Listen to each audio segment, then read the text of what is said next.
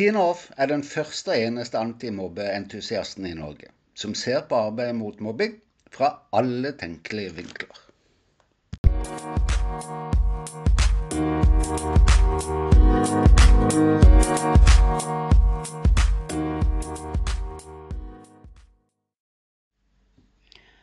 Skal gjenoppretting av en elevs trygge og gode skolemiljø skje, krever det mer enn individuelle tiltak. Vi vet det jo, sånn egentlig, men jammen er det mange som blir usikre. Klart vi burde prate om det da. Velkommen til ukens episode.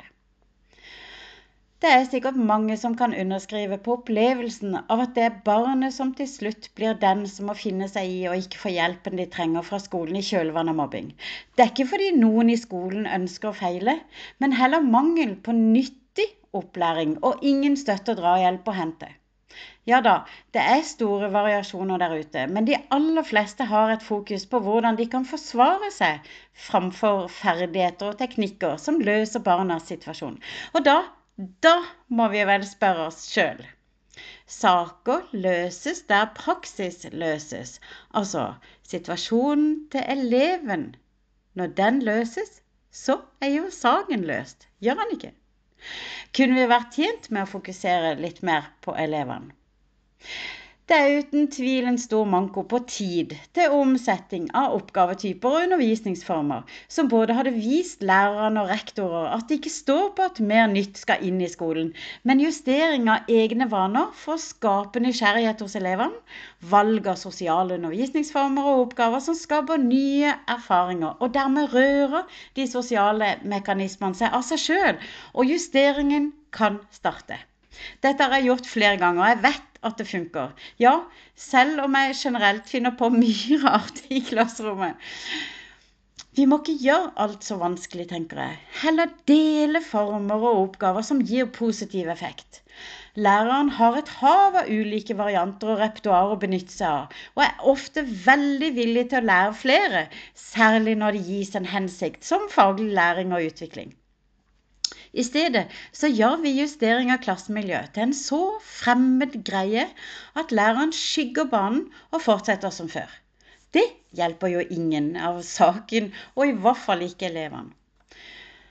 Klart foreldrenes stemme må inkluderes også i vurderingen av hvilke former og øvelser en lærer skal ta i bruk. Heller ikke her er det tid til omsetting, og dermed velger altfor ofte rektorer å føre opp det foreldrene sier, som direkte tiltak. Når det da viser seg ikke å få den ønskede effekten, så blir noen overraska. Og det er jo en overraskelse i seg sjøl. For det er det ingen grunn til.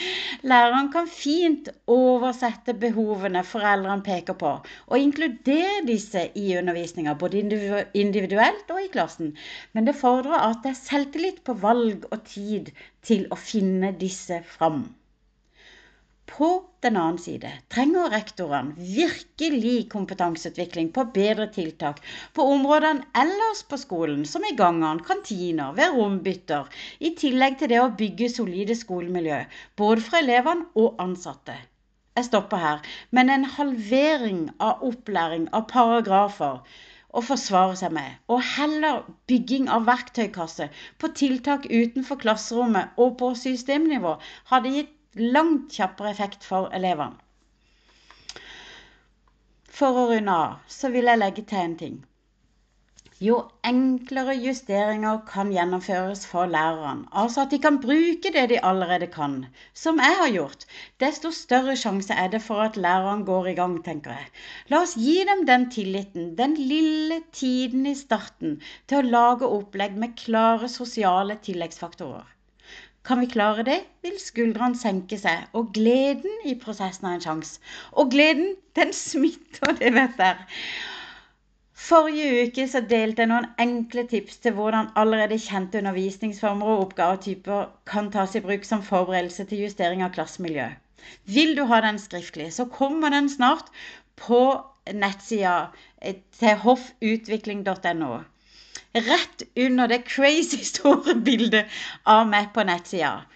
Poenget er altså da ikke annet enn å gi deg noen konkrete eksempler som du kan spinne videre på, som nettopp har det sosiale samspillet i seg, og som fint kan benyttes med faglig innhold.